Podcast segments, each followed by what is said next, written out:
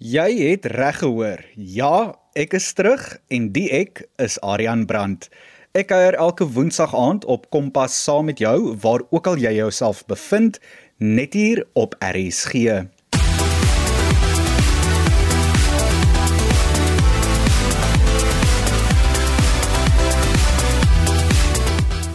In vanaand se program gesels ons oor werksaansoeke, ons deel wenke vir werksoekers En ons vind ook uit hoe jy netwerke of networking kan gebruik om jou voet in die deur te kry met jou volgende werksaansoek.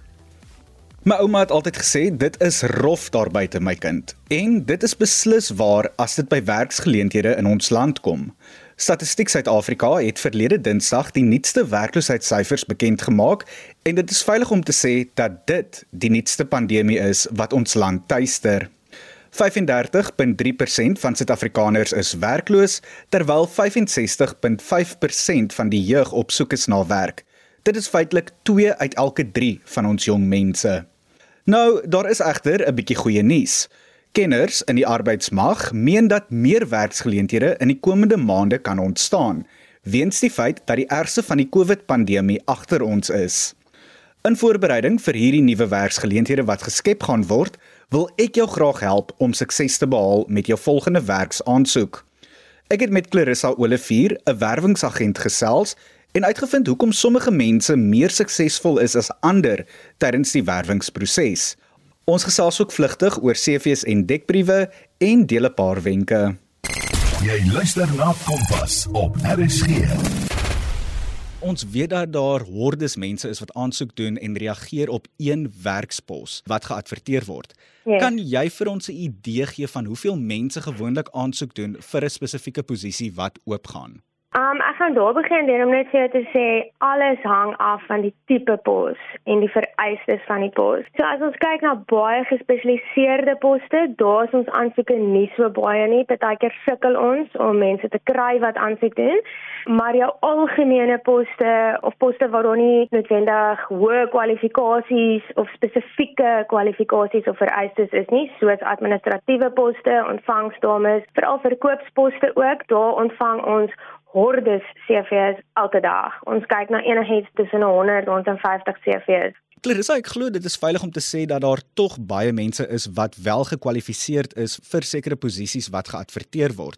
Kom ons sê byvoorbeeld soos hierdie intree poste wat jy nou genoem het soos mm. uh, ontvangsdames en so voort. Wat is die redes waarom mense dikwels onsuksesvol is met hul werksaansoek en hoekom ander weer suksesvol is en dan ook uitstaan? Dit gaan nie net noodwendig oor die pos nie. Dit gaan oor die besigheid, die kultuur van die besigheid, die persoon wat aangestel word in daai rol se persoon persoonlikheid is ook belangrik. So partykeer is 'n kandidaat wat onsuksesvol is, beteken nie noodwendig ondervinding of kwalifikasie op die CV was nie korrek nie. Dit kan net wees dat die persoon, ons noem dit nou maar, die persoon was nie 'n fit nie. Hy of sy sou nie noodwendig in die maatskappy ingepas het by die kultuur en jy weet of hulle pad vorentoe daar sou dalk net nie gewerk het vir die maatskappy as sulks nie. So dit is hoekom daar soms uh, dinge tussen kandidate wat noodwendig dieselfde ondervinding en kwalifikasies het, maar hulle is dan onsuksesvol. Dit maak absoluut sin. Ek dink daai persoonlikheid ja. maak natuurlik on onderskei tussen 'n goeie kandidaat en 'n swakker kandidaat. En ek dink 'n ander ding wat ook belangrik is, kandidaate sukkel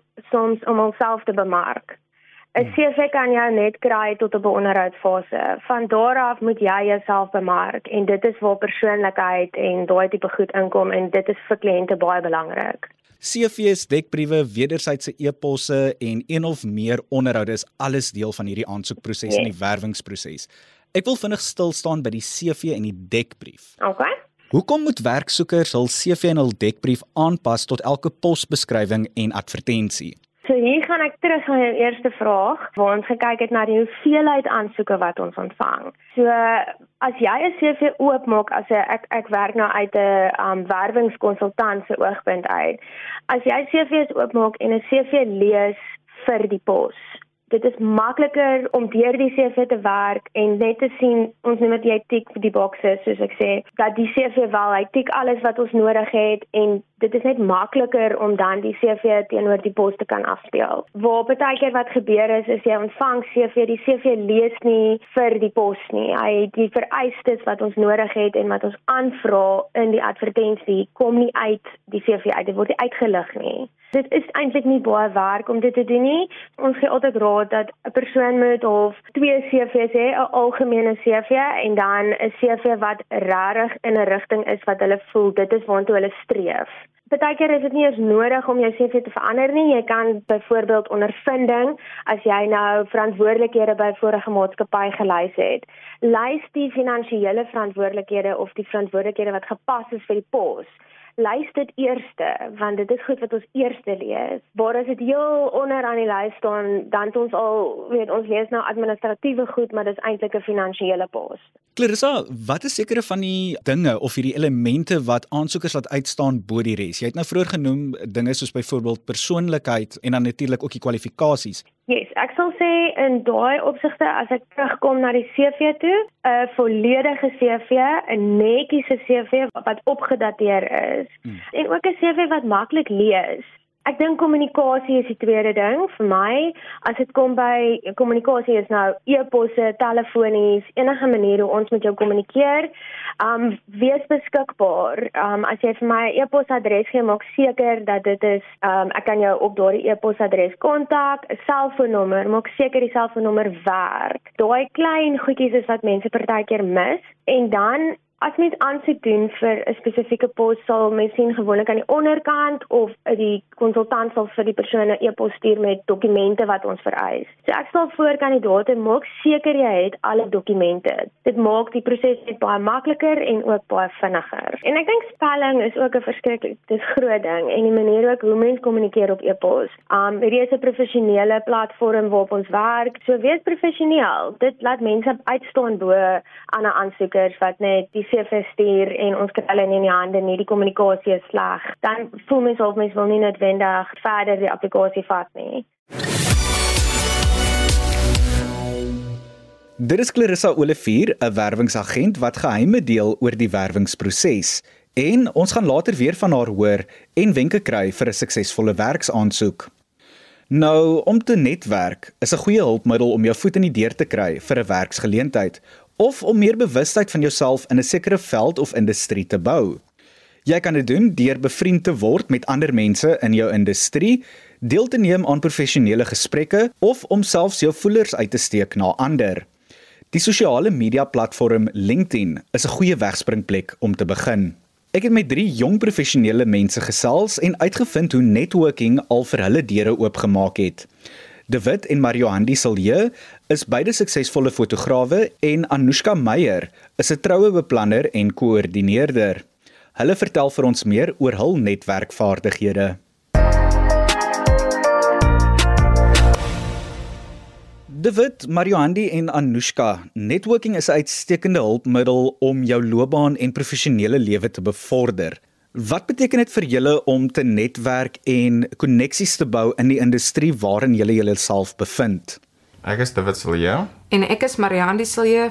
As foto en videograwe is dit baie belangrik om netwerking te doen in ons veld. Netwerking beteken vir ons om koneksies en verhoudings op te bou met verskaffers waar ook al ons mag skiet. In ons lyn van werk is dit baie belangrik om te netwerk met nog verskaffers. Byvoorbeeld by troues het jy so baie verskaffers wat betrokke is. Jy het jou foto en videograwe, jou DJs, jou wedding planners, jou caterers, jou decor companies. Daar is so baie en net om na hulle toe te gaan en jouself voor te stel, maak dit die dag soveel meer lekker om te weet dat julle saam hierdie dag deurloop en saam deur die dag werk en as jy sou hulp benodig of 'n hulpende hand kan leen, weet julle julle is almal daar vir mekaar. Dit is ook baie belangrik om daardie koneksies en daardie verhoudings met die verskaffers op te bou, want dit kan potensiële deure vir jou oopmaak in die veld. Ja, ek stem 100% saam. As jy na 'n funksie toe gaan en jy ontmoet nuwe mense, dit is geweldig belangrik om die eerste stap te vat om nuwe mense te ontmoet dat jy daai koneksies kan opbou en dit vorentoe in jou lewe weer te kan gebruik. Die eerste ding wat ons altyd doen is om die verskaffers wat reeds daar is te gaan ontmoet, onsself voor te stel en aan hulle ons hulp te bied.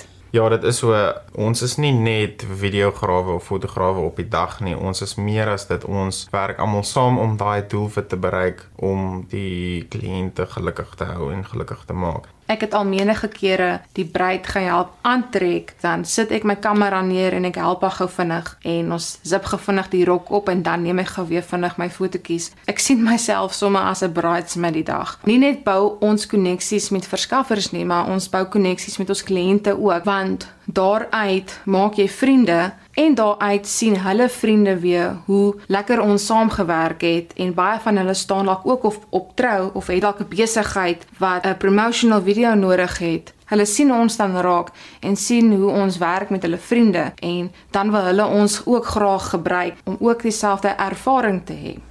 Netwerking vir ons is uiterlik belangrik. Veral in ons industrie het ons nou al geleer, hoe meer netwerke jy kan bou en hoe meer netwerke jy standvastiglik bou, kom daar net nog meer netwerke van daardie netwerke. Dis amper so asof mens 'n puzzle bou waar jy die boublokkies lê vir jou besigheid of vir die diens wat jy verskaf en dit ook van ander. En met netwerking bou jy basies 'n huisie met mense wat of selfde tipe industrie as jy is of mense wat jou dan kan bevorder deur mense wat hulle dan nou weer ken. So om netwerke te bou is verskriklik belangrik.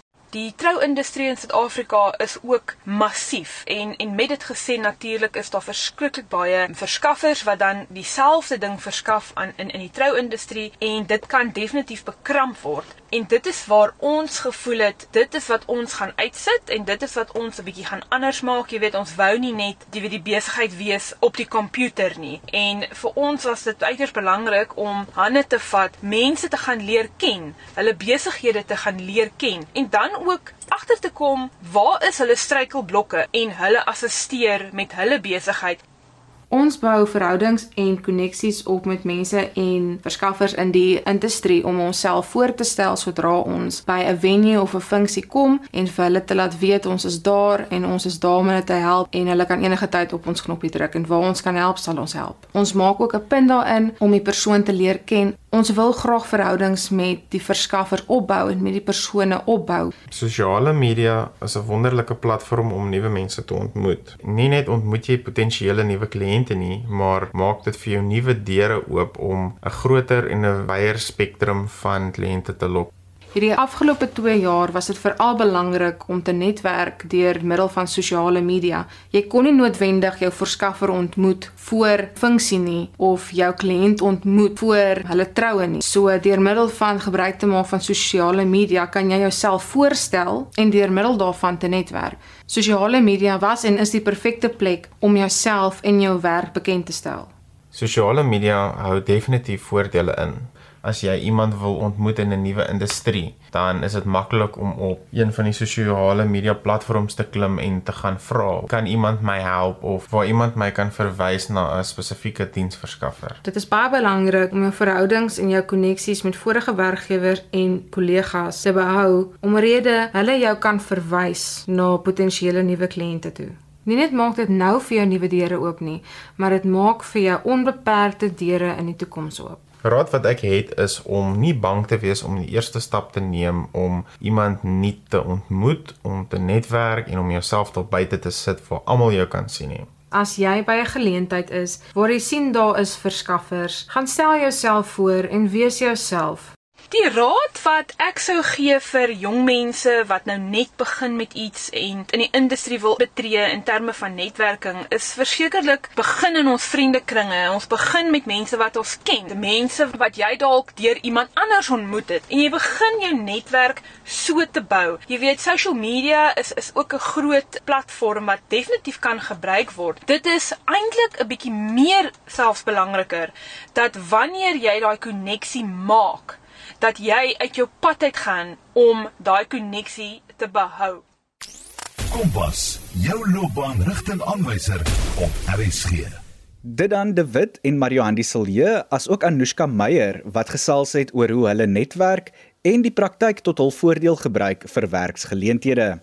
Ons het laas gesels oor jou aansoek, CV en dekbrief en gaan nou so 'n bietjie stil staan by die onderhoud. Dit is immers die plek waar die meeste aansoekers uitval. Clarissa deel verder wenke en gee ook raad as dit kom by die moets en die moenies. Clarissa, dan die volgende stappe in die aansoekproses is dan om 'n kortlys op te stel en dan onderhoude met aansoekers te voer en dit is waar jy nou betrokke is gewoonlik. Yes. Wat kan aansoekers doen om voor te berei vir daardie spesifieke onderhoud en wat is van die tipiese vrae wat hulle kan verwag? Alright, as ons begin by 'n onderhoud by 'n agentskap, dan is dit jy is nou al redelik in 'n pool van 'n kort lys kandidaate. So hierso, daar's nog nie baie inligting beskikbaar nie. Ons as 'n agentskap gee nie noodwendig die kliënt se besonderhede deur voor die onderhoud nie. Ons sal dit gedurende die onderhoud doen. So die kandidaat kan nie noodwendig voorberei die maatskappy waar hulle aansoek doen nie. Maar ek sal voorstel dat hulle die pos of die advertensie, jy weet, deurgaan en seker maak weet dalk vir hulle self ook vragies opstel self rakende die advertensie goedjies wat hulle dalk sou wil weet. Maar ja, ek dink vir voorbereiding maak seker wat ook al vereis word dokumentasie wat deurgebring moet word na die agentskap toe dat jy dit het en dat jy betyds is en trek netjies aan ja, verstaan wat die pos is waarvoor jy aansoek doen. En dan tipiese vrae, ja, dit is maar moeilik, dit hang ook maar af wat se tipe pos dit is, maar ek dink gedurende die eerste onderhoud, ehm um, is dit 'n baie algemene onderhoud. Ons kyk gewoonlik na kwalifikasies, werksondervinding, gaan deur jou CV en dan kom daar maar vragies op soos wat is jou sterk en swak punte? Dit is iets wat ek voel kandidaate baie sukkel om te antwoord. Ook hoekom is jy weg by maatskappye?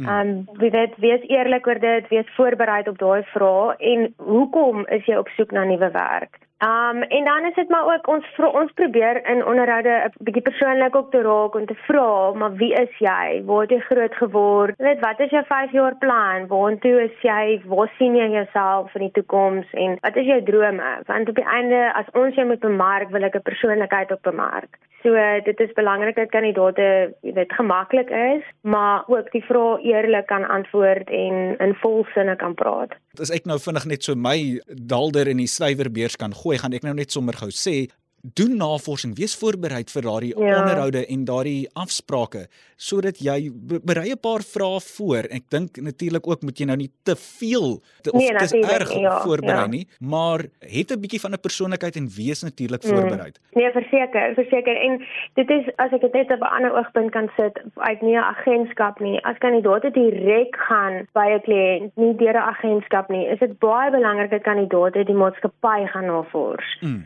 wie is die maatskappy? Wie werk daar? Um wie is die skakelspelers in die maatskappy? Dit laat mens ongelooflik uitstaan as mens bietjie kan saampraat oor wie weet die kultuur en wie's wie en jy weet jy lyk net of jy voorberei is. Clarissa, hoe behoort aansoekers vrae te beantwoord van hierdie dinge wat jy nou sopas genoem ja. het? Natuurlik moet dit met selfvertroue wees, maar mm. jy het ook ons het so vinnig liggies geraak aan die punt van jy moenie te veel voorberei nie. Ja, vir veral by die agentskap vir die eerste onderhoud want jy het nog nie baie inligting om op te gaan nie. Dis kort en kragtig. Dink voor jy die vrae antwoord en wees eerlik ek dink baie mense dink nie altyd voor hulle antwoord nie. Hulle begin net praat en dan kan dit noodwendig dalk dalk goed uitkom wat on, wat jy dalk nie wou gehad het ons weet nie of wat jy dalk nie moes sê nie. Dalk ek wie onprofessioneel voorkom en eerlikheid is 'n baie belangrike ding. Veral as dit kom by onderhoude, jy weet tweede, derde onderhoude, daai tipe goed as jy iets wegsteek, dit kom tog uit. Ja. Um veral as ons begin verwysings doen en daai klas van goed. Mm -hmm. So wees net rustig op die einde van die dag die persoon wat aan die ander kant van die tafel sit, die werwingskonsultant is, maar ook op hulle sene wees. Clarissa, ek wil nou 'n bietjie tegnies begin amper raak. Ek het al gehoor mense praat van dat daar sekere woorde of frases is wat aansoekers moet vermy tydens die onderhoud. Wat is sommige van hierdie dinge?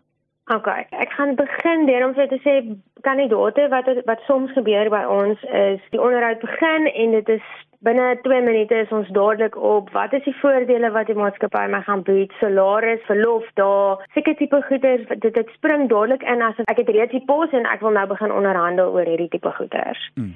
So ek voel uh, in 'n onderhoud begin luister wat gesê word, luister wat die vereistes is en mens kan altyd later aan of op tweede onderhoudfase begin praat mens oor goed so salaris, verlof daar, seker tipe goedjies. Um ek dink woorde soos haat is baie sterk woorde wat deurkom baie keer mm. en dit skep 'n baie negatiewe indruk. Ook ons het al gehad waar weet mense kyk na mense wat mens vra vra dan sal hulle vir jou sê maar dit is op my CV.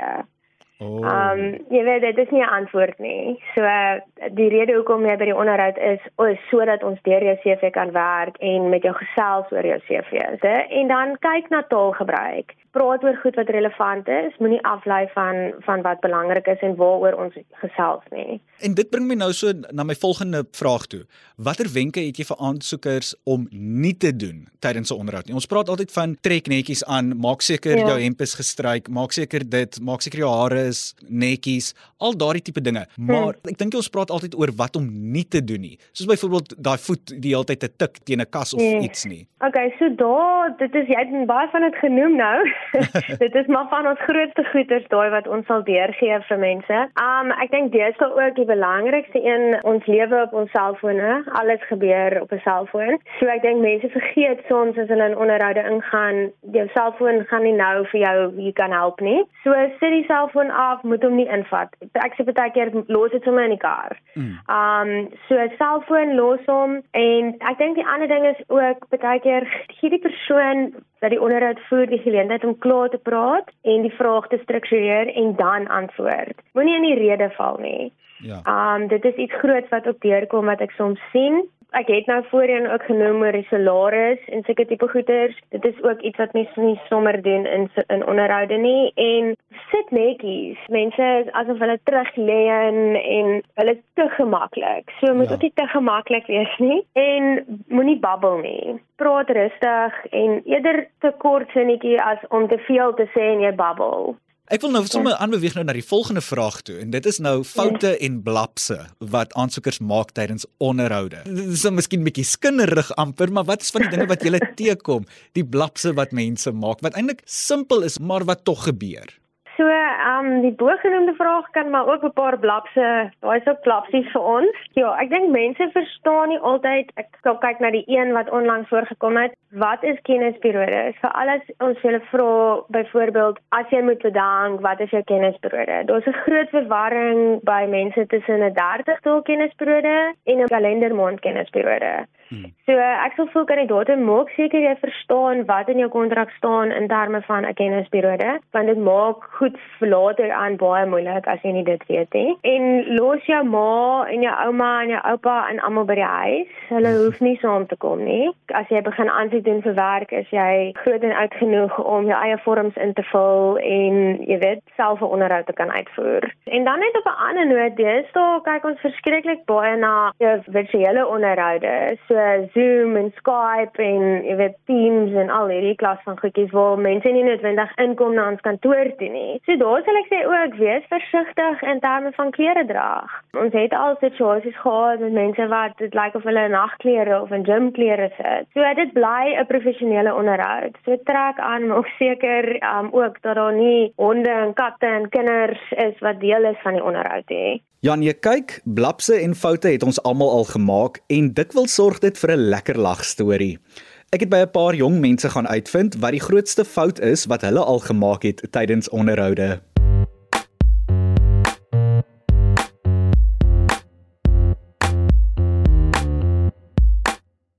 Oké, okay, die grootste fout wat ek al gemaak het tydens 'n uh, werksonderhoud was deur om glad nie voor te berei vir die onderhoud nie deur om nie huiswerk doen rondom die maatskappy waarna toe gegaan het vir 'n onderhoud nie. En ehm um, ja dit het my lelik in die steek gelaat want ehm um, ek was glad nie voorberei nie. Ek het nie geweet wat om te verwag nie ek het nie geweet wat om te sê nie. En ja My grootste onderhoud blaps sal ek definitief sê was die oggend gewees toe ek vir onderhoud gegaan het by die vorige maatskappy vir wie ek gewerk het. Dit was vir my 'n groot droom geweest om by die maatskappy te werk en met die oggend van die onderhoud was ek 'n bietjie haastig geweest. Ek was baie opgewonde om die onderhoud te doen en om uiteindelik die groot baas te ontmoet. En ek het nie gekyk so lekker wat ek doen nie.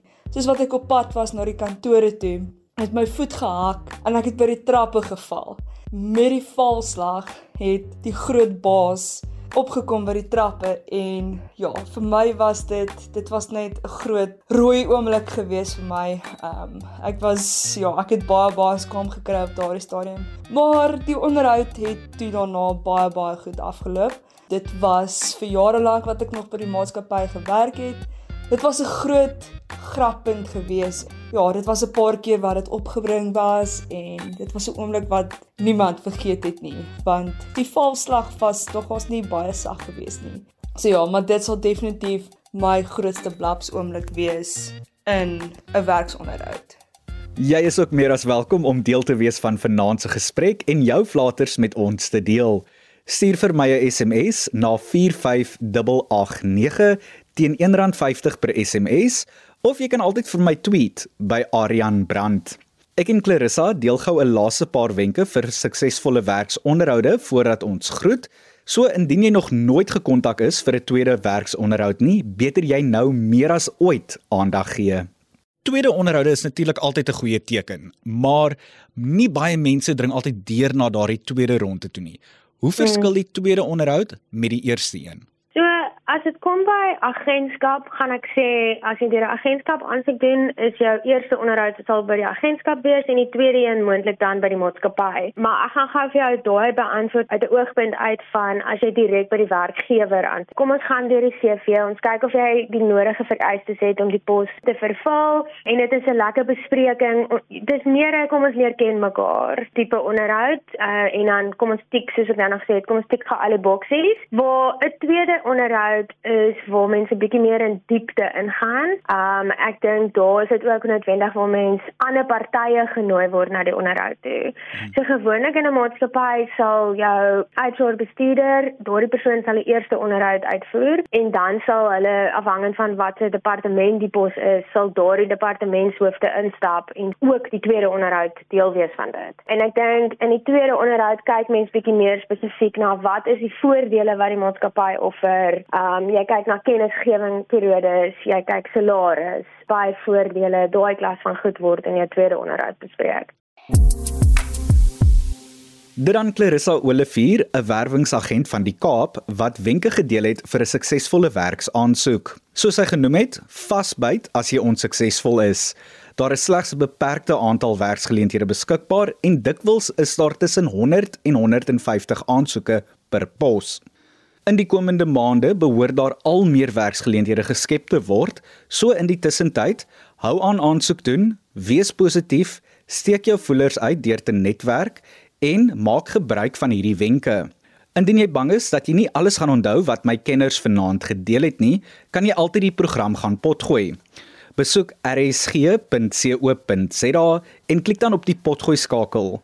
Jy hoef dan net onder K vir kompas te soek en voilà Vanaand se program sal dan daar te vind wees. My halfuur saam met jou is verstreke en ek moet groet. Martleen Oosthuizen kuier môre aand saam met jou, so maak seker dat jy inskakel. Van my kant, tot volgende Woensdag. Mooi loop.